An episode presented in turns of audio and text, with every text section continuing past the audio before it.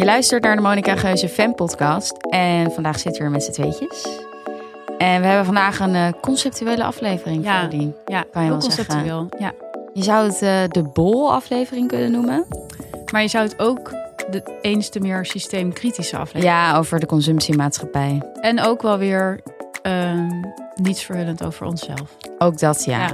Dus ehm, ja, de aanleiding is... Ik, ik zag vandaag een nieuwsbericht en eh, daaruit bleek dat 70%...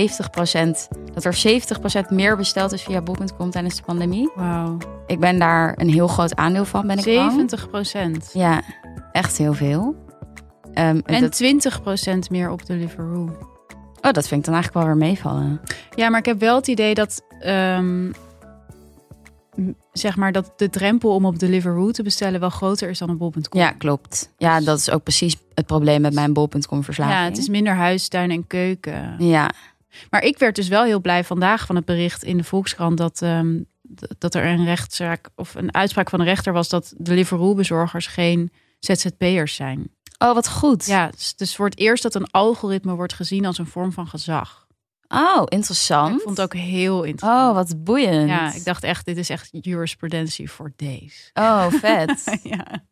nou, het idee van de conceptuele aflevering is dat we aan de hand van onze koopgeschiedenis op de grootste webwinkel van Nederland, Ja. ehm, ja, gaan kijken wat we dan eigenlijk leren over onszelf. ja, en de aanleiding was een heel goed stuk in de, Ja, want in The Guardian. Ja, want Jeff Bezos is, een, is opgestapt als CEO van Amazon iets Mhm. van twee weken terug. Ja.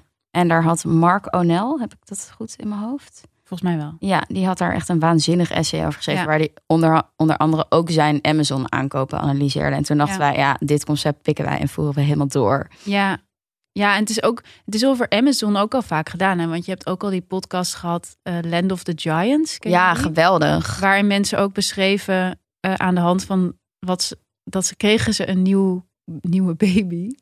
En dan gingen ze kijken hoe erg je afhankelijk bent geraakt van Amazon in je dagelijks leven. Dat je gewoon de, mensen met, met, met jonge kinderen, met baby's, die, Mhm.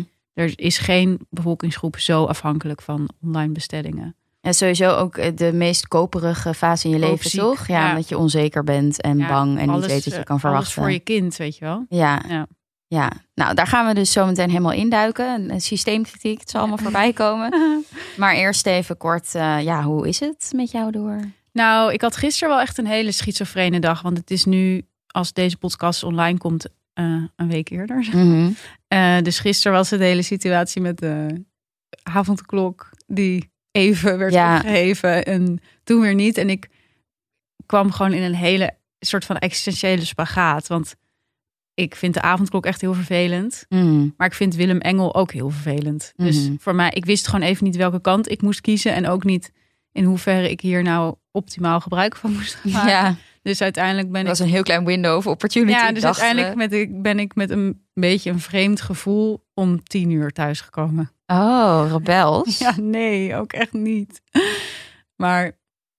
En dan toch nog een beetje zenuwachtig. Ja. Nee, het, was, het was absoluut niet rebels. Het was de minst rebelse rebelse actie die je ooit hebt gezien. Ah ja, nou ja, beter dan ik. Ik zat gewoon thuis. Nee, ik vind dat niet beter. Mm. Ja. nee, maar dus en verder, ach ja, het gaat prima. Ik werk gewoon lekker aan mijn boek. Dat werkt ook wel met die avondklok. Ik bedoel, ik werk nu ineens ook gewoon S'avonds. tot 11, 12 uur door. Nog nooit eerder gedaan in mijn leven. Maar ja, ik vind het leuk om er aan te werken. En er is verder toch niet zoveel te doen als ik Ja. thuis ben. Dus ja, Ja, volgens mij een baby baren en een boek maken zijn wel de dingen die je moet doen in deze tijd. lijkt keurig op elkaar. Hè? Ja, dat is waar, ja. Hoe is het met jou? Ja, ik heb ook wel een soort project waar ik mezelf in verlies. Namelijk ehm, de verkiezingscampagnes op sociale media. Oh ja, Daar heb ik echt ontzettend veel plezier in. ik dacht dat je ging zeggen de ukulele. Oh, de ukulele, ja, mijn nieuwe hobby. Ja, ik kan dus nu wel You Are My Sunshine Maar spelen. dit is echt zoiets wat tussen ons... Ik heb het gevoel dat elke keer als ik bij jou kom... is er weer staat iets. of ligt er iets en dan zeg ik, hè, wat is dit voor mini piano of eh macramé set of wat? En dan zeg je, oh nee, ja, dat is mijn nieuwe hobby. Ja, en, En- het duurt een week. Ik heb nooit een nieuwe hobby. Ja, Hoe kom je dan op die hobby?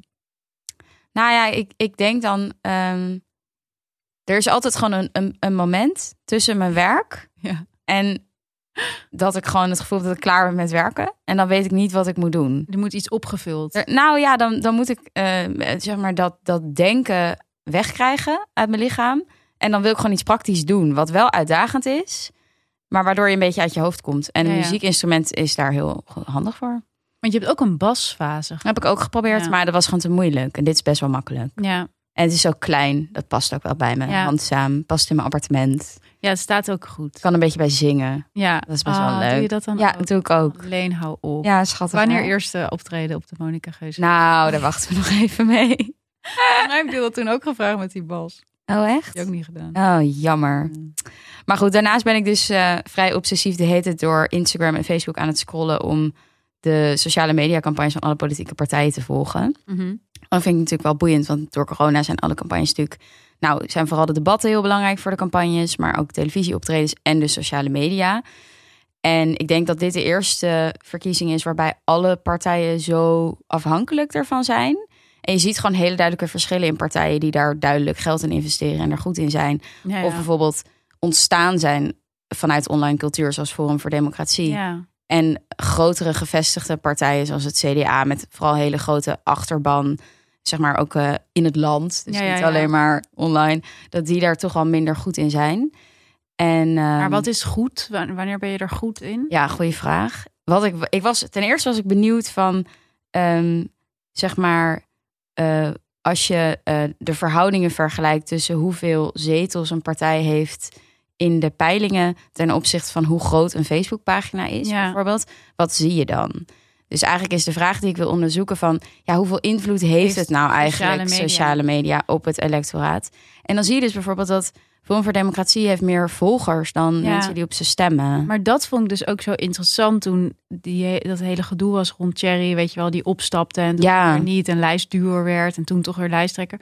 Dat toen eh, hadden Nanninga en zo, die hadden dan de sleutels van het partijkantoor van hem overgenomen en die en die had hij ook wel gegeven of zo. Maar wat hij niet, wat hij weigerde te geven, waren de inlogcodes Ja. van de Instagram en de Facebookpagina en de YouTube. En toen dacht ik eigenlijk, ja, wat is eigenlijk nog het verschil tussen een politicus en een soort succesvolle influencer? Ja, zeker. Ja, want Trump, je kan bijna je afvragen. Dat is gewoon een ja, influencer. Ja, en Trump heeft Twitter ook gemaakt. Dus Ja. je kan je ook bijna afvragen, is Trump niet zelf een platform? Maar ik vind het, het backfired ook wel. Want je ziet bijvoorbeeld bij Cherry, die dus zo zichtbaar is op, op al die Mhm. ook YouTube en zo.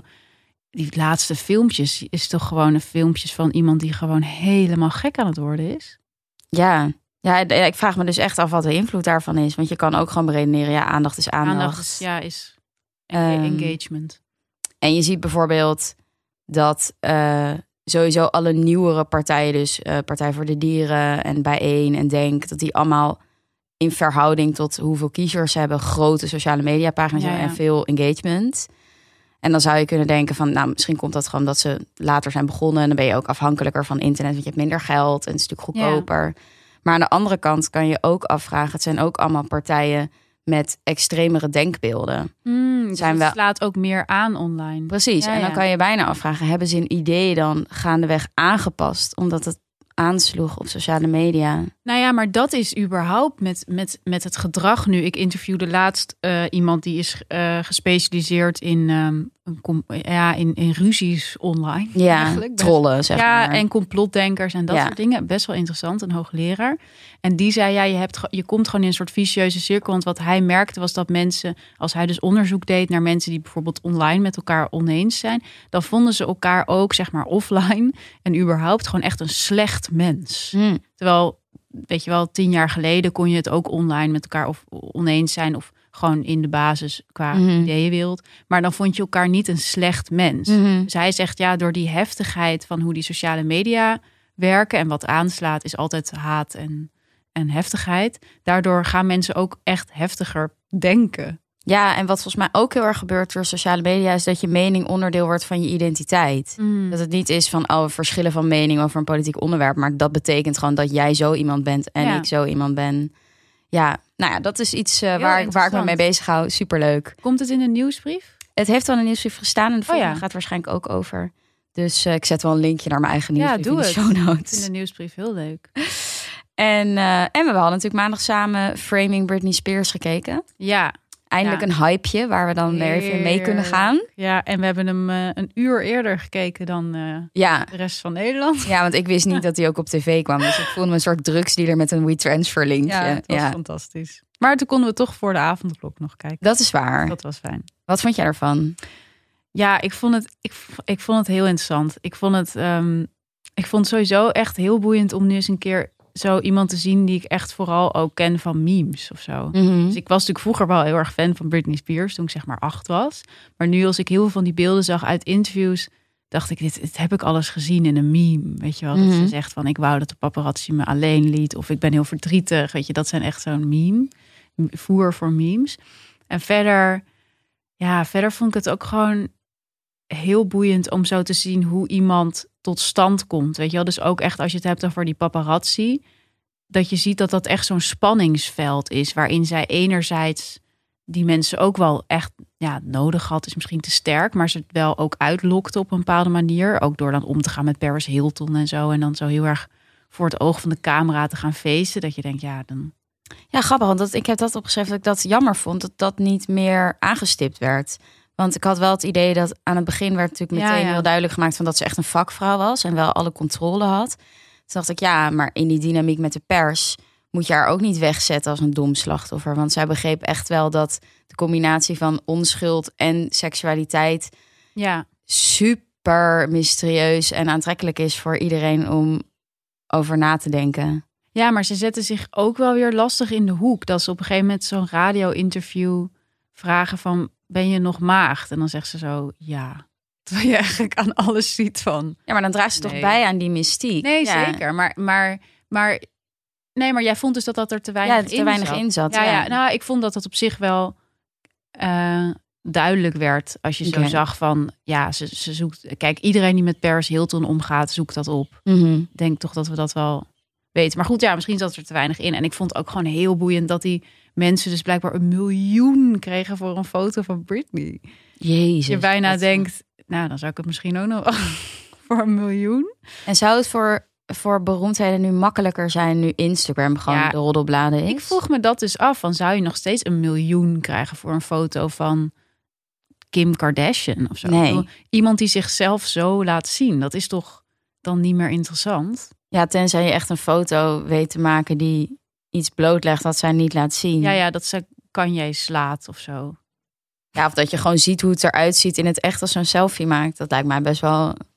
Ja, Maar alsnog heb je nu natuurlijk als celeb zoveel meer controle. Want ook als er zo'n roddelbladfoto is, dan kan jij vervolgens eh, de rest van het narratief gaan vertellen op jouw kanaal. Je hebt altijd je eigen kanaal om je verhaal te vertellen. ja, ja. Nee, dat werd ook wel later. eh, Dat werd ook wel duidelijk, toch? Dat dat voor haar ook wel een game changer was. ja. Ja. Nee, ik vond het wel interessant hoor. Ja. Ja, ik vond het ook interessant. Ik had wel, ehm, ik had wel achteraf een beetje een vieze bijsmaak dat ik dacht, ja, ik heb nu naar een documentaire gekeken over hoe een mens geëxploiteerd wordt door media. En, en daar heb je natuurlijk als consument ook een Ja. aandeel in. En ik dacht, ja, dan nu kijk ik naar een documentaire die daarover gaat. Wordt ze eigenlijk opnieuw gebruikt. Had even een meta-moment. Dat even een meta-moment. Maar misschien is het ook doorgeschoten wokeness. Nou weet ja, niet. Wat ik wel, ik dacht wel, en dat vond ik wel fijner aan of zo. Van dit zou nu toch denk ik niet meer zo gaan. Van Ja, maar Meghan Markle, was, die had dit ook. Daarom is ze uit het Koningshuis gestapt. ja, maar die had toch niet dat er in interviews bijvoorbeeld alleen maar naar haar tieten of haar vriendje werd gevraagd. Die had natuurlijk wel heel erg die paparazzi, maar als je kijkt hoe mensen met haar omgingen, was Ja. het wel heel, echt misogynie, vond ik het. Op sommige punten. Ja, Nou, daarvan dacht ik wel, ik vraag me af of dat nu weer zo zou gaan bij iemand. Of dat, weer, of dat nog steeds aan de hand is. Ja, natuurlijk in mindere mate. Ik bedoel, elke vrouwelijke politicus die moet antwoorden op de- een antwoord geven op de vraag van, maar hoe combineer je dat dan met je gezin? Nee, zeker. Maar het was meer dat ik dacht, nou ja, Ja, we zijn wel op een gegeven moment moet je natuurlijk wel stappen gaan zien. Als je het hebt Ja. over MeToo-beweging en al dat soort dingen. Dacht ik, nou, ik kan me eigenlijk niet goed voorstellen dat iemand nog een keer, dat Ivonie nog een keer Ja. iemand vraagt van, nou ja, ik ga toch even over je tieten beginnen. Nou, dan wordt hij van nieuw, nieuw Dan zou die ontslagen worden. Ja, Ja. precies. Dat, dat vond ik wel Ja, hoopvol. hoopvol. nou, en het was natuurlijk ook gewoon interessant dat de New York Times een documentaire maakte. Ja, En ik dacht wel van, ja, een beetje bang van of zo. ja, maar New York Times verdient zo takken veel geld. Het wordt echt een enorm bedrijf. Ja, maar en je ziet het ook in Nederland, toch? Dat je nu ziet van NRC Audio en zo. Ja. Dat wordt ook echt dan Het zo. worden gewoon contentfabrieken. Ja, het worden echt Ja. fabrieken. Ja, ik had trouwens laatst met yoga, want ik doe namelijk Doortje die is gestopt met yoga, of tenminste met onze yogaschool. Ja, ik ben. Nee, ik ga, ik ga gewoon geen online yogales Nou, doen. ik doe dat dus wel. Maar ik merk dus dat nu in hoe ik denk over de yogales, eh dat het verschoven is naar dat ik het zie als content. Ja, dus dat ik ja. iets heb van, geef me meer content, geef me meer content die ik wil. Maar wat dan? wordt- Wat is dan leuke yoga content? Nou, sowieso de juiste docent. Ja, ja. En het is bijvoorbeeld al fijn als er in de titel van de video duidelijk is wat je krijgt. ja, ja. Dat soort dingen. Dus we hebben bijvoorbeeld nu een serie en die heet Wild and Free. ja. En dan heb je elke keer een, een bepaald ding wat je oefent. Maar dat staat dus in de titel. ja, dat, ja. maakt het, eh, dat maakt de verhouding zo anders. Maar dat is leuk. Leuk, maar je bent ook dat je gaat denken van... nou, maar dit wil ik wel en dit wil ik niet. Je wordt vroeger meer lag ik gewoon een een- les. Jij bent weer consument. Terwijl Ja. vroeger ging je gewoon naar yoga. En dan was het soms heel saai. Of was het gewoon wat het was. Ja. Ja. Nee, ik doe wel Pilates-video's. Oh, welke? Ja, ik heb één. Dus ik moet het even opzoeken, maar ik kan die sturen. Kan je Voor de show notes. Ja, want ik bedoel, we hebben allemaal content nodig. Ja, nee, maar dat is ook echt ontzettend saai hoor. Maar het was meer gewoon dat ik, ja, na zo lang thuis yoga doen, dacht ik, god, ook weer eens wat anders. ja. Goed, nu doe ik dus, want ik doe eigenlijk het meest doe ik het gewoon zelf. Dus zonder video doe, bedenk ik gewoon zelf, doe ik een half uur of zo. Ja. Maar omdat ik dus ook die pilates heb gedaan, doe ik nu een soort van Mengelmoes. yoga lates. Oké. ik dacht laatst van, zou ik dit kunnen branden? Ja, zou maar ik dit kunnen verkopen als een stijl? sowieso. En dat mensen dat dan gaan doen. Dat En dat is dan cultural nieuwe appropriation. dat nieuwe Les Mills wordt of zo. Sick. Dat je bij een soort Jane Fonda wordt. Laat me weten in de Ja, als je dit wil. Als je dit wil. En dan eh, misschien doe ik dan maar een doe dan keer- ook een beetje dans erbij. Ja, maar het is best Ja, wel flowy. flowy, maar, maar misschien kan ik een keer een... ehm, Oh, dit escaleert heel snel. Ja. Maar misschien kan ik gewoon een keer een Zoom... eh, Een clubhouse. voor de, een Clubhouse Zoom meeting. Voor de luisteraars die erin geïnteresseerd zijn. Ja, dan kan ik ukulele op de achtergrond. En dan speelt Leen ukulele. en dan eindigen met breathwork. ja, we lachen nu, maar dat doen we allemaal. Ja, ik heb mijn laatste oefening, hou ik ermee op. Dat is de Reverse Bird of Paradise. Mensen mogen dit opzoeken. Wow, hoe is dat dan? Het is echt ingewikkeld. Letterlijk.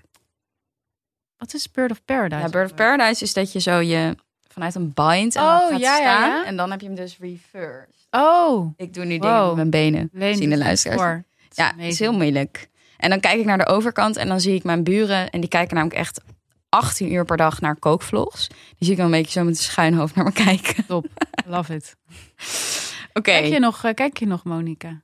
Ja, ik kijk elke week. Zaterdagochtend. Dat is En? mijn ritueel. Oh, en wat vind je? Nou, ik hoop dat ze snel een huis vindt. Ja, hoop ik ook heel erg. Ze is er echt een beetje down van. hè? Ja. Je ziet er echt zo weer een bezichtiging. Maar iedereen is down. Dat merk ik Waar. ook wel.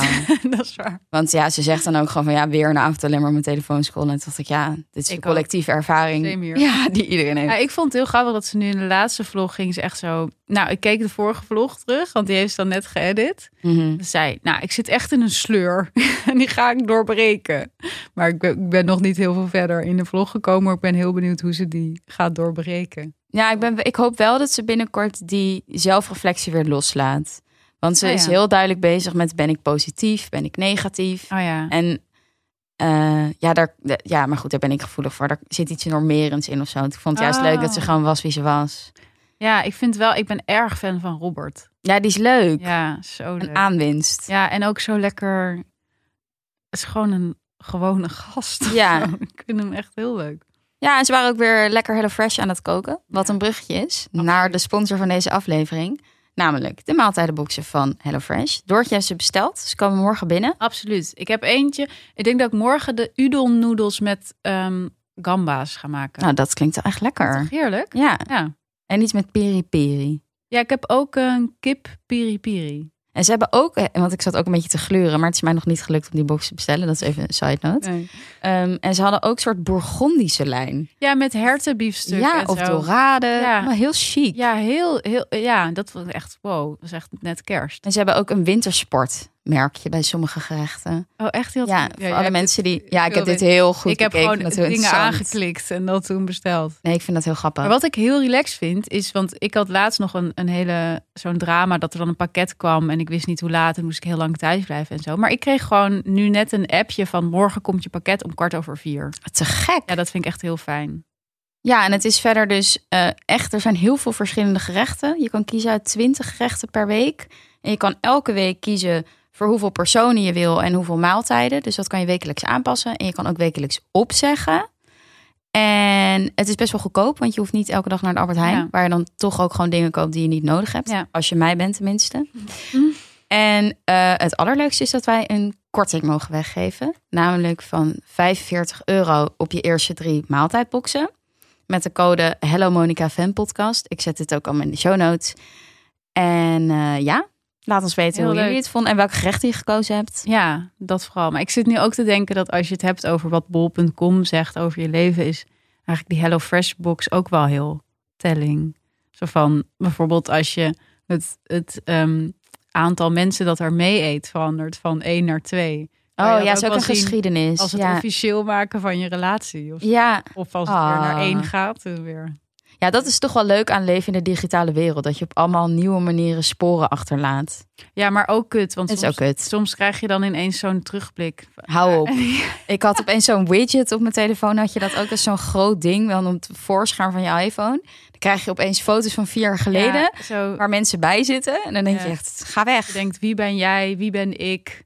Ja, en waarom, waarom En denk ik waarom- iPhone dat ik dit wil En zien? waarom waren wij? Ja, ja. Ja. Goed. Ehm, Jeff Bezos. Ja. Stopte bij Amazon. Nou, dat was allemaal eh, ophef. En er was dus een heel goed stuk op The Guardian van Mark O'Connell.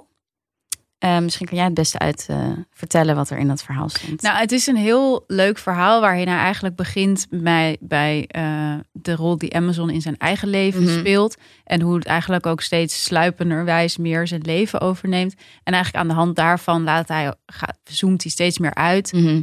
en laat hij zien hoe ja, die, die Bezos eigenlijk gewoon de hele wereld en nog veel meer dan de wereld, namelijk het hele universum aan het overnemen is. Dus hij, hij noemt eigenlijk op, zeg maar, wat hij dan eh, bijvoorbeeld op, op in een week bestelt. En dan noemt hij bijvoorbeeld één week waarin hij een creusetban heeft Ik besteld. wilde hem meteen hebben toen ik het Ja? Ja. Van voor flensjes, heerlijk. Een witte, witte eh, theedoeken en een biografie van de marxistische filosoof Theodor Adorno. Ja, Waarvan hij natuurlijk vervolgens zelf weer opmerkt dat het wel heel geestig is dat je iets marxistisch bestelt op Amazon. Amazon, wat ongeveer het meest kapitalistische is eh, wat er is. Ja, ik vond het ook heel goed in het stuk dat, ze, dat hij Jeff Bezos een beetje neerzet als de genie van deze tijd. Dat we hem verdienen. Zeg maar, vroeger had je Albert Einstein. Ja, ja. En dit is het soort genie wat wij verdienen. Gewoon iemand die dus eigenlijk vooral heel goed was in het optimaliseren van jouw consumptiegedrag. Nou, en in iemand die maar naar één deel van de mens kijkt. Dat vond ik zo goed hoe hij dat beschreef. Dus dat ehm, hij kijkt alleen maar naar de mens als klant. ja, En daardoor word je als mens ook alleen maar klant. Weet je wel? Je wo- wordt heel erg gereduceerd tot één deel van je bestaan of zo. Dus dat, Mhm. vond ik wel, dat vond ik wel heel treffend. En eh, ja, voor ons dus reden om een beetje wat, wat dieper in te gaan op eh, het, het fenomeen eh, bestellingen. En, en dus, nou, Leen pakte meteen haar bol.com geschiedenis Ja. erbij. Wat in Lena's geval heel, heel geestig was. Maar in mijn geval eigenlijk heel saai. Want ik ehm, bestel echt bijna alleen maar boeken op bol.com. En dan natuurlijk wel variërend van reisgidsen tot eh, ja, Joan Didion boeken of ehm, ja, eh, eerder een roman of zo. Maar wel echt hoofdzakelijk boeken, moet ik zeggen. En heb je zoiets, daar ga ik niet mee stoppen. Ik ga het bij kleine boekhandels Nou, ik heb wel de laatste tijd echt alleen maar bij kleine boekhandels Supergoed. besteld. Dat was ook wel echt, dat was wel echt waardoor ik me ook echt geïnfluenced voelde de laatste tijd. Dat ik dacht, ja, ik- weet je al met die campagne. En waar ik heel vaak bestel, dat doe ik al heel lang, eh, omdat ik dat weet van mijn vader, is boekenwinkeltjes.nl. Oh, dat is een leuke, een leuke site, ja. Ja, want daar kan je ook heel veel vinden. En oude boeken. oude ja. boeken. En het is heel cheap. Het is tweedehands, dus het is ook nog Ja. beter voor de wereld. Ehm, dus dat doe, dat doe ik zelf veel. En dat vond ik ook wel interessant in dat stuk dat, eh, dat hij dat beschreef. Dat, dat eigenlijk voor hem, hij is schrijver. Voor hem is eigenlijk Amazon echt verschrikkelijk. Dat Ja. bestaat, want het, het, het draagt heel weinig af aan uitgevers en daarmee aan hem. Ja. Maar toch bestelde hij erop. En toen dacht ik, ja, dat is toch eigenlijk zitten we heel raar in een systeem waarin we dat eigenlijk allemaal doen. Want we houden. kan niet anders dan hypocriet zijn. Ja, we houden allemaal constant dingen in stand die voor ons eigenlijk heel slecht zijn. Dus of het nou eh, regisseurs zijn die Netflix kijken, of Mm. eh, muzikanten die naar Spotify luisteren, of mensen zoals ik die bijvoorbeeld heel erg tegen de platformeconomie zijn, maar wel Deliveroo Ja. bestellen of zo. Eh, of ja, Deliveroo doe ik niet zoveel, maar Uber doe ik wel. Dat Ja. is wel geregeld. Dus dat is wel, ja, dat is gewoon zo. Het lijkt alsof je door, door in het economische systeem waarin we nu zitten, wat zo, ja, toch soort van, zonder dat we het door hadden of zo, met die digitalisering zo gemonopoliseerd is door een aantal dingen, dat je gewoon niet anders kan dan wat je consumentengedrag betreft tegen je ideologie inhandelen. Ja, En terwijl ik dit zeg, denk ik, dat kan natuurlijk wel. nou ja, in het Ja. geval van Google kan het bijvoorbeeld niet. Het Het kan kan- bijna niet ja, het- geen gebruik maken kijk, van Google. Kan, maar je leven wordt dan gewoon zo ingewikkeld. Ja. ja, dat vind ik ook lastig. Want ik, ik vind ook wel... eh, ik geniet ook heel erg van de ervaring dat je iets bestelt en dat het er heel snel is. Nou ja, dat vond ik interessant. Ik ben benieuwd wat jij hiervan vindt. Want ik verdiep me nu eh, voor mijn volgende boek dus in eh, digitale verslavingen. En ook Mhm. digitalisering van verslavingen. En wat natuurlijk een hele typische verslaving is, is de koopverslaving. Ja, En daar eh, werd mij laatst ook over uitgelegd. Dat je dus, je maakt dopamine aan, Mhm. zolang je in het proces van kopen zit. Dus Ja. het zit in je winkelmandje. mm, En dan maak je dus veel dopamine aan. Maar op het moment dat je naar de ideal gaat en rekent af, Houdt stopt op. het. ja, ik herken dit totaal. Ja? Ja, maar ja, ja. Ik ben denk ik toch wel heel verslavingsgevoelig. Ik heb dit. Ja, ja. Dus ik, ik heb ook wel een soort van afspraak met mezelf. Het gebeurt, ik bestel namelijk bijna altijd 's avonds Ja, voordat ik naar bed ga. ja, ja. Ehm, en het is een manier van dealen met emoties van ja, gewoon geen zin meer of zo. Ja, ja. Het is weer iets om naar uit te willen kijken. Ehm, en dan, ik voel die rush. Ik krijg echt een rush ervan. Ja, ja. Maar, van, maar maakt het het. dan uit wat je bestelt? Nou ja, hoe meer geld het is, hoe meer rush wel. Ja, ja, ja. Zeg maar, hoe onlogischer het is dat ik het koop. Dus hoe de bieder de aankoop, hoe meer. Ja. En wat volgt is natuurlijk schuldgevoel. Dus een soort spiraal waar je dan in blijft hangen. Dus ik probeer nu wel in ieder geval er een nacht over te slapen. Als ik het dan nog steeds wil. Maar ik had bijvoorbeeld laatst, dat was echt een illustratie van dat het niet goed gaat met mijn koopgedrag. Dat heeft ook wel alles te maken met corona. Want ik heb Mhm. gewoon, ja, op een of andere manier zit dat nu helemaal in mijn patroon. Ik had bij Rituals, Guilty, Ja. had ik, ehm, had ik geurstokjes besteld. Ja, ja. Maar ik kreeg het verkeerde formaat. Namelijk enorm. ja, die zag ik bij jou. Ja, echt gigantisch. Mijn hele huis ruikt ernaar. En ik kreeg er niet één, ik kreeg per ongeluk twee. Nou, leuk, iets gratis. Ja. Dat vind ik dan toch altijd grappig. Had ik op mijn keukenkastje gelegd. En toen stortte dat ding ter aarde op een Duralex glas. Waardoor er Oh. 2000 stukjes in mijn kamer lagen. En het was mijn laatste Duralex glas. En toen heb ik, voordat ik het ging opruimen, nieuwe glazen besteld. Oh, wauw. En dat is dus ja, gewoon een manier van je controle Nee, terugpakken. dat is het. het is dat glas. Ja, het is ja. controle over je leven krijgen. Ja, Ja, wow. dat, eh, en, en daarom vond ik het ook best wel Dat is waar we nu zijn als mensheid.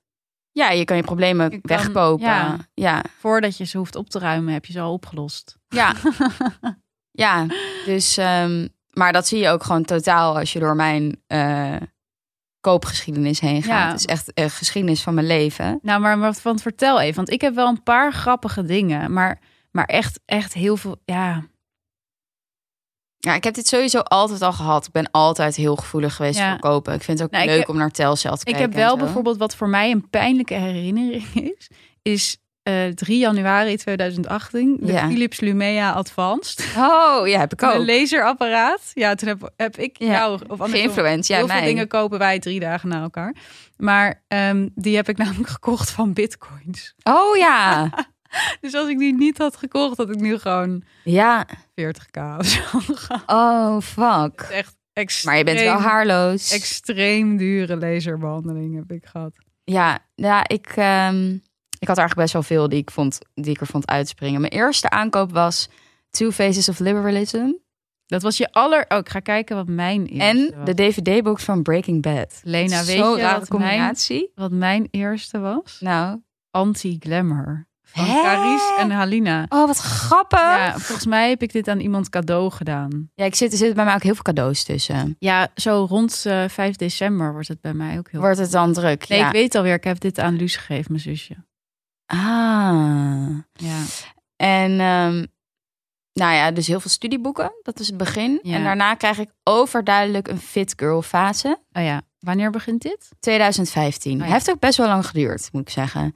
En het begint met, ehm, het is echt zo, de overprikkelde mens in producten. Dat is wat je ziet als je mijn bol.com geschiedenis bekijkt. Een Spirelli, dat is zo'n apparaat waarmee je Ja. courgette Oh, stuurt dat kan maken. echt- Kan je eten. Weet je, dat is zo lang geleden dat dat in was. En oordoppen. Oh ja. Toen begon het slaapprobleem ja, ook ja, al. Ja. En ehm, dan een jaar later koop ik een eh, Fitbit en een weegschaal. Oh ja. Dus daar ging het al een beetje bergaf. Dat zijn ook wel echt twee van die lekkere digitale verslavingen. Totaal, ja. Ja, jeetje. Ja, een meetkundige verslaving. Ja, De Fitbit is een hele serieuze digitale verslaving waar echt heel veel artsen zich heel erg zorgen om. ja ik, ik moest hem afdoen. Ja, maar vanzelf. heel goed, want het is Ja. echt bizar. Ja, We lopen niet meer om te lopen, we lopen voor die, voor die Fitbit. stappen. Ja. ja. en dan voel je dus niet eens meer of je moeie benen hebt. Nee, ja, dat is echt niet totaal vervreemd van je lichaam. En dan word je slapeloos. Dat, Ja. In die zin hangt Makes het allemaal sense. met elkaar samen. En eh, dan zie je op eh, 6 december 2016 dat ik een, een serieus baan heb. Want dan bestel ik een noise cancelling koptelefoon Oh ja. en een RSI-muis. Oh. Om me te wapenen tegen het geweld van de kantoortuin. van de kantoorjungle. Exact. Ehm, en dan op 6 maart 2017, dat vond ik zo'n leuke aankoop, heb ik Real Technique kwasten gekocht. Zat ik in de make-up fase. Ja, dat zijn van die kwasten die Oh, ja. alle influencers hebben. Nou, ik bestelde rond die tijd een boek van Heidegger. Oh ja, nou, ik heb mijn boeken even uit de geschiedenis Oké. gelaten. Ehm, maar die zijn allemaal pretentieus en vele zijn ook ongelezen gebleven. Ehm, en dan op eh 30 augustus 2018 kom ik een beetje in een burn-out fase. Dus dan koop ik yogamatten, puzzels, eh, dat soort van die kussentjes voor op je gezicht. Nou, Nou ja, weet je dat? 2018. Ja, ja. Ja, Ik dus dat komt... eh, een ehm, zo'n heuptasje. Een zo'n, eh, oh, pack. festival. Ik ging naar festival. Zie het al, 20 juni. Ja, nou, hoor. dat is toch een, veel gezelligere Ik denk dat ontwikkeling. The Rabbit Hole is geweest. Oh, wat chill. Ja. Ehm, en dan 3 december 2019, dan is mijn relatie net uit. En het belangrijkste wat ik toen opnieuw moest aanschaffen was een Chromecast, zodat ik weer tv kon kijken. Dat is toch zelfstandigheid? Ja, Een Chromecast. ja. En eh, de lockdown die trapte ik af met een wijn-vacuumpomp. Zodat Ja, ik in mijn top. eentje wijn kon drinken. Ja. En, eh, En wanneer heb je de Satisfyer Pro 2 voor besteld? Nou ja, dat is dus grappig, want die had ik op een website besteld. De Satisfyer is een vibrator en Ja. hij is geweldig. Dus bij deze influencer wie jullie allemaal, als je hem nog niet hebt. Ik heb die drie dagen later besteld dan jij, denk ik. Ja, was echt top. maar ik had dus met de verpakking meteen de oplaadkabel weggegooid. Oh, Waardoor ik een nieuwe oplaadkabel moest bestellen. Ja, dat is geestig. Ja, Ik las dat laatst. Ik lees soms die site van Gwyneth Paltrow, Goop. Dat ze daar ook, eh zij hebben daar nu ook een nieuwe vibrator ontwikkeld. Die Ja. er heel fancy uitziet. En die had ook wat is heel goed nagedacht over de oplaadmogelijkheden. ja. Want dat is natuurlijk gewoon ja, stel je zit er net lekker in ja. en dan valt hij uit. Nou, daar was ik dan ook weer zo bang voor. verschrikkelijk. Ja. Wat ook weer een illustratie is voor hoeveel belang ik hecht aan een soort frictieloos leven. Terwijl, wat, wat heb je nou aan zo'n leven waarin een bezorger voor de deur staat zonder dat je hem ziet? Ik En dat ben je- het daarmee eens, maar op zich met vibrators moeten gewoon opgeladen zijn. Dat vind ik geen rare eis. Ja, of je wordt daarna creatief en dan doe je het op een andere manier. ook waar. Toch? Ja, nee, dat is ook waar. Dat is wel. En ik, ik vind toch ook bij mezelf wel. ehm, heb je die film I, Daniel Blake gezien? Ja. Nou, ik voel me op zoveel fronten ook heel schuldig door dit koopgedrag. Nou, of heb je, hoe heet het gezien? Eh, sorry. Sorry, I missed Ja. you. Ja, nee, die heb ik dus niet gezien. Ik dacht, dan wordt mijn schuldgevoel Nou, is nog erger. erg. Ik heb bijvoorbeeld, ik heb dus wel, denk ik nu, waarom? Ik heb een bol.com select abonnement. Heb ik ook. Ja, waarom? Nou, je kan dus alles terugsturen. Maar dat is dus... en het is gratis verzendkosten. Terwijl dan denk ik, die verzendkosten zijn niet gratis. Want er is een persoon die dat doet en die moet betaald krijgen. Ja. ja, fair point. Dus ik, ik ga dat nu opzeggen. denk ik. Nou, ik, ik wilde deze podcast wel als een stok achter de deur gebruiken om te stoppen met mijn bol.com verslaving. ja, Ik zat ook weer een stuk te lezen uit 2018. Er is een Volkskrant-journalist en die heeft dan zes weken ondergedoken gewerkt bij het dat stuk is sorteercentrum. zo goed. Maar dat er dus gewoon deeldoos met poep worden teruggestuurd. Ja. Mensen sturen gewoon alles terug en je krijgt gewoon je geld terug. En heel veel wordt gewoon verbrand. Zeker bij Ja. van die grotere winkelketens zoals Another Stories en Ja. Weekamp ook, daar heb ik het ook wel eens over gehoord dat het gewoon allemaal wordt verbrand. Omdat gewoon de eh, eh, zeg maar menselijke kosten van dat Ja. weer terugzetten in het systeem zijn te hoog. Zijn hoger dan. Het verbranden. Ja.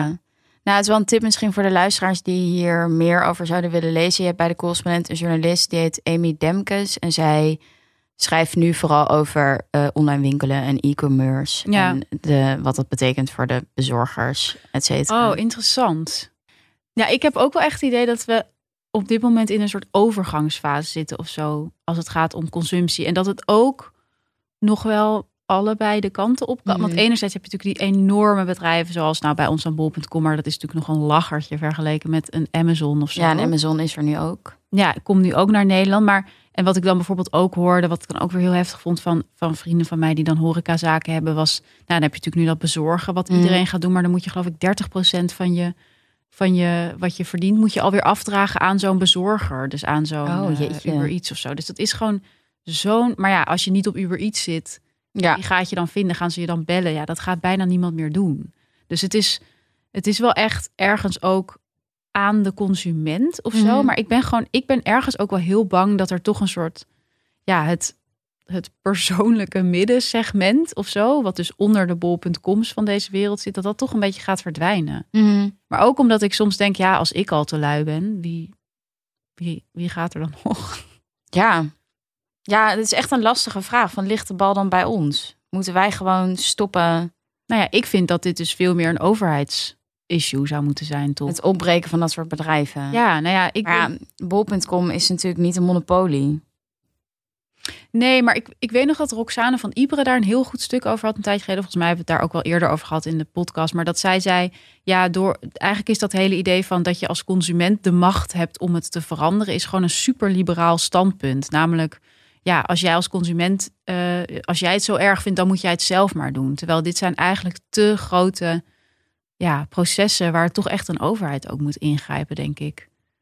Ja, ik denk dus wel dat het en-en is. Want volgens mij grijpt een overheid in als daar vanuit de maatschappij roep naar is. Ja, En ik vind het ook een beetje een linkse aflaat om te denken dat je dan vervolgens dus niet zelf iets kan doen. Toch? Ja, je kan. Ik Nee, kan, je kan natuurlijk wel. Maar wat ik heel gek vind, is dat het. Ik heb het idee dat ons offline koopgedrag heel anders is dan ons online. Ja, dat klopt. Dus dat die digitalisering, die, die, die lokt ook een soort. Jij maakt alles perverser. Of Ja, zo. maakt, maar die, die lijkt ook alsof een soort van moreel besef ineens. Want als je zeg maar zou zien wat er, Ja. wat er gebeurt met die bol.com verkoper. Stel je komt in een winkel en je ziet allemaal leidende mensen die zeg maar helemaal geen pauze, die in flessen moeten plassen en zo. Dan zou je dat natuurlijk nooit doen. Maar omdat je het niet ziet, maakt je niet zoveel uit. Maar ook andersom. Dat mensen mij niet het koopgedrag zien hebben, zorgt ervoor dat ik het veel makkelijker doe.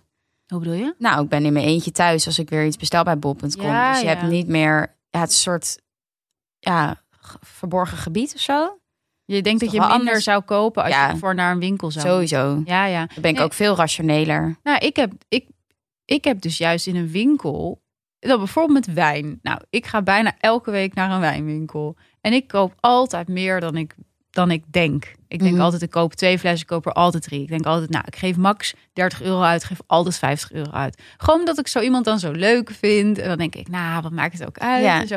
Ik vind het best wel, ik, en ik vind dat ook leuk. Of zo. Het is ook een andere soort koopervaring dan dat je zo'n dopamine rush van een soort van iets wat eigenlijk niet mag en waar je je schuldig over gaat voelen. Ja, ik voel me nooit schuldig. Nee, dus dat is denk ik dan toch niet dat. Ik ben gewoon blij met mijn wijn. Ja, Maar het is wel interessant, want ik weet ook nog wel dat ik heb zelf heel lang in een kledingwinkel gewerkt, best een dure.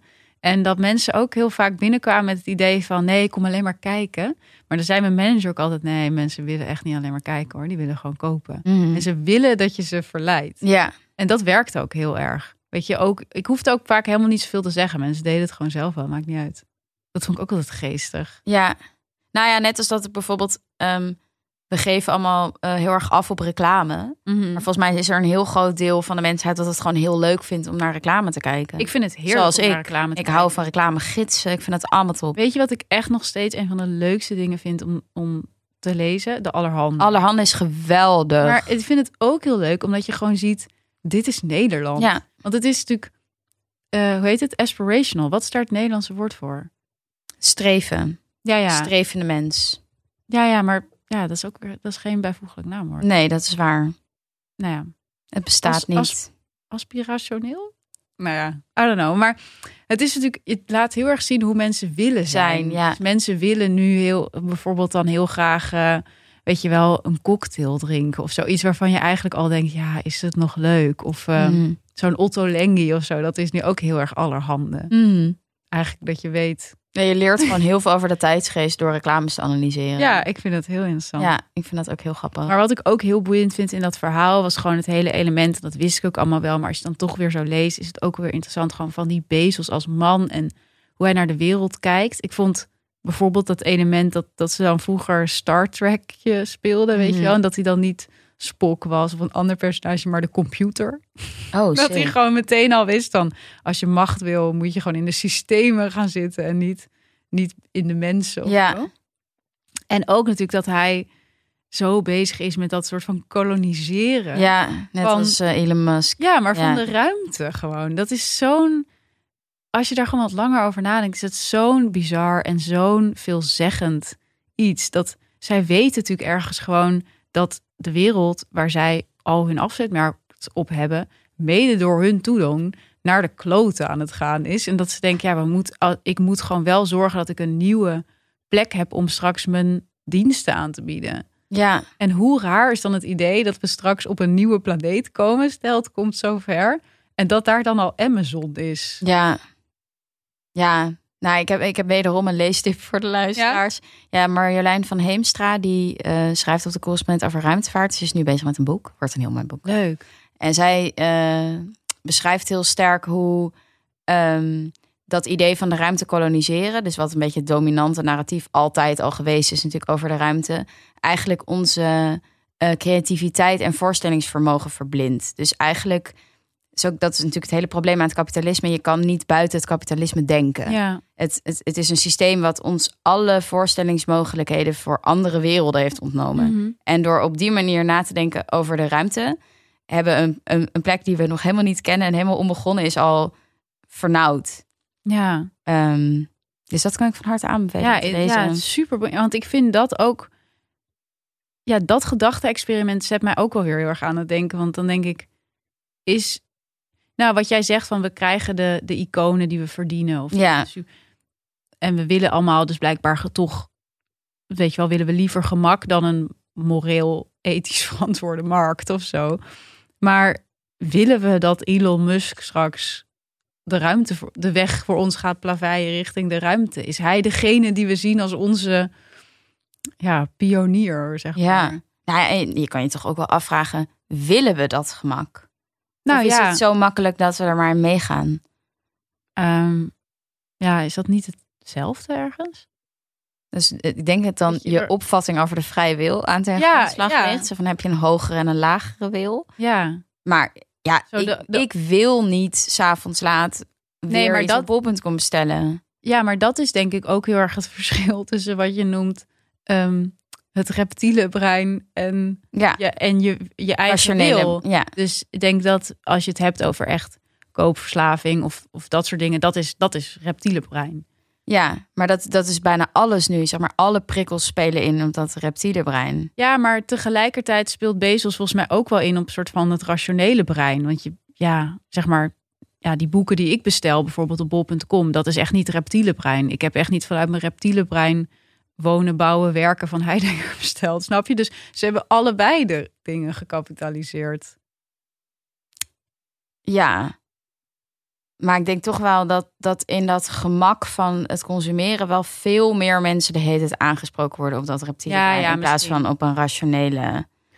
Nou ja, maar ook zo- als je het bijvoorbeeld hebt over Albert Heijn, hè? Gewoon als je kijkt naar hoe zij zich nu profileren. Ik zie overal door de stad die dingen rijden voor Albert, weet je wel? Van, Ja, haal jij de... deze zit helemaal vol. Ja, maar haal jij de kinderen, Ja. doen wij de boodschappen. Ja, Toch? Zeg Ja. het goed? Ja, nee, het is niet andersom.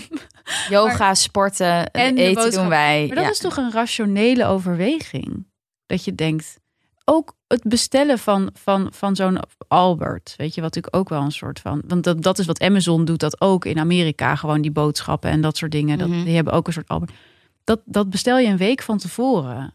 Maar is het, een, is het een rationele keuze dat je meespeelt in een systeem waarin je zo hard moet werken en je kinderen altijd bij de opvang zitten dat je geen tijd hebt om boodschappen te doen? Ja, dat is een hele goede vraag. Is dat wat je wil? Zeg maar, willen we alleen maar productief zijn? Basically wordt gewoon ons hele doen en laten bepaald door een aantal systemen Ja, die eigenlijk allemaal digitaal ingegeven zijn, die zo diep in onze samenleving zijn doorge, doorgedrongen dat we er inderdaad niet eens meer buiten kunnen kijken. Dat je niet eens meer Ja. kan afvragen: wil ik wel in een wereld leven waarin ik gewoon geen tijd heb om boodschappen te doen? Ja. Omdat er voor alles weer een nieuwe keuze wordt aangereikt. ja. Elk probleem wat je tegenkomt kan worden opgelost door een van de zeg maar monopolisten van de digitalisering. Ja. ja, dat is ook. Nu heb je toch zo'n eh, verzetsbeweging van mensen die juist gaan luieren en eh, improductief zijn als verzet. Schreef Oh ja. Marian Donner leuk over in De Groene. En ik ben nu dat boek How to Do Nothing aan het lezen. En? En dat, ja, het gaat heel erg over hoe het, het doen van niks een, een daad van verzet is tegen het kapitalisme. Maar ook hoe moeilijk het is om niks te doen. Want de hele wereld om je heen roept de hele tijd: Ja, doe maar- iets. Sorry, maar hoe is dat dan een daad van verzet? Want ik, het eerste wat ik nu denk is, ja, maar daar heb je uiteindelijk wel alleen maar jezelf mee. Hoezo? Nou ja, stel je gaat niks doen. Ja, Gaat in plaats geen- van scrollen. Of Oh, is film meer maar een of... uur niks doen of zo. Oh nee, niet, mas- niet stoppen met van- meedoen in de samenleving. Ja, maar gewoon je, je, je tijd, je aandacht anders verdelen. Ja, En er dan dus vaker voor te kiezen om niks te doen. ja. Maar bijvoorbeeld in China heb je nu een hele verzetsbeweging van werknemers die gewoon ja, zo min mogelijk doen op hun werk en dutjes doen. En ja, ik vind dat ook wel nice. Ik bedoel, als ik aan naar mezelf kijk met corona, dan hoor ik verhalen van mensen. Ja, zo chill, ik kan nu gewoon veel minder werken, want mijn baas ziet me niet. En ik heb echt zoiets van, huh, maar ik werk echt twee keer zoveel nu. Ja, Dat is toch niet goed? ja, dat is wel... En als ik dan ook naar mijn bol.com overzicht van producten kijk, dan denk ik ja, het zijn of boeken voor mijn werk, of het zijn producten waardoor ik ontspan, zodat ik beter kan werken. Ja, maar Dat, dat, is ja. Sorry, ik word even boos, maar dat Nee, maar dat, ik ben het daar helemaal mee eens. Het is gewoon, al- eigenlijk heb ik het idee dat de wereld gewoon steeds meer toegespitst wordt op een soort groot eh, Google spreadsheet. Waar je, hele, waar je eigenlijk je hele leven in past. Zo, het voelt bijna als een soort schema zo van sporten, werken, Ja, iets anders doen, ontspannen, sterven. Ja, zodat je zeg maar gewoon punten krijgt in Ja. het spel. Zo van Ja, level gewoon- 1 is ja, dit. Ja. één groot level. En je moet het steeds drukker krijgen, want dan ben je belangrijk, klaarblijkelijk. En dan kan je allemaal dingen in je leven uitbesteden. Je kinderen, je huishouden, het eten, je kleding. en waar leef je dan voor? Ja, goede vraag. Nou goed. Voor mij is eh, trouwens het doorklik. Ik heb natuurlijk wel. Ik zit natuurlijk heel veel op die Instagram-pagina's van ehm, ehm, bekende influencers. Mhm. En ehm, ik had laatst moest ik een eh, speechje maken voor Internationale Vrouwendag. Over, Wat leuk. Ja, was heel leuk. Dus ik had een speech gemaakt over hoe, ehm, nou ja, vrouwen mede door het algoritme steeds maar op zoek, steeds meer de perfecte vrouw proberen te zijn. Mhm. Dat je dat eigenlijk die wedstrijd natuurlijk altijd gaat verliezen. Maar goed, zat ik weer heel lang op de Instagram-pagina van, van eh, Emily Ratajkowski. Oh ja. En ineens zat ik ook allemaal dingen te bestellen van Oh, haar merk. Want zij heeft een eigen merk met echt hele hotte jurkjes en bikinis en zo. Mhm. En toen dacht ik ineens, ja, dit is ook eh, Summer of Love of zo, weet je wel. Dus let's go. ik heb het niet besteld. Maar voor mij is wel altijd zo'n moment een, een, weer een soort van... ehm, dat ik er weer even aan herinnerd word dat ik er ook gewoon onderdeel van ben. En Ja, gevoelig ben voor dat soort dingen. ja, ja, en dan is er nog een soort van lijn tussen dat je gewoon overtuigd wordt om een product te kopen, of dat je het inderdaad gewoon puur doet voor zo'n korte rush.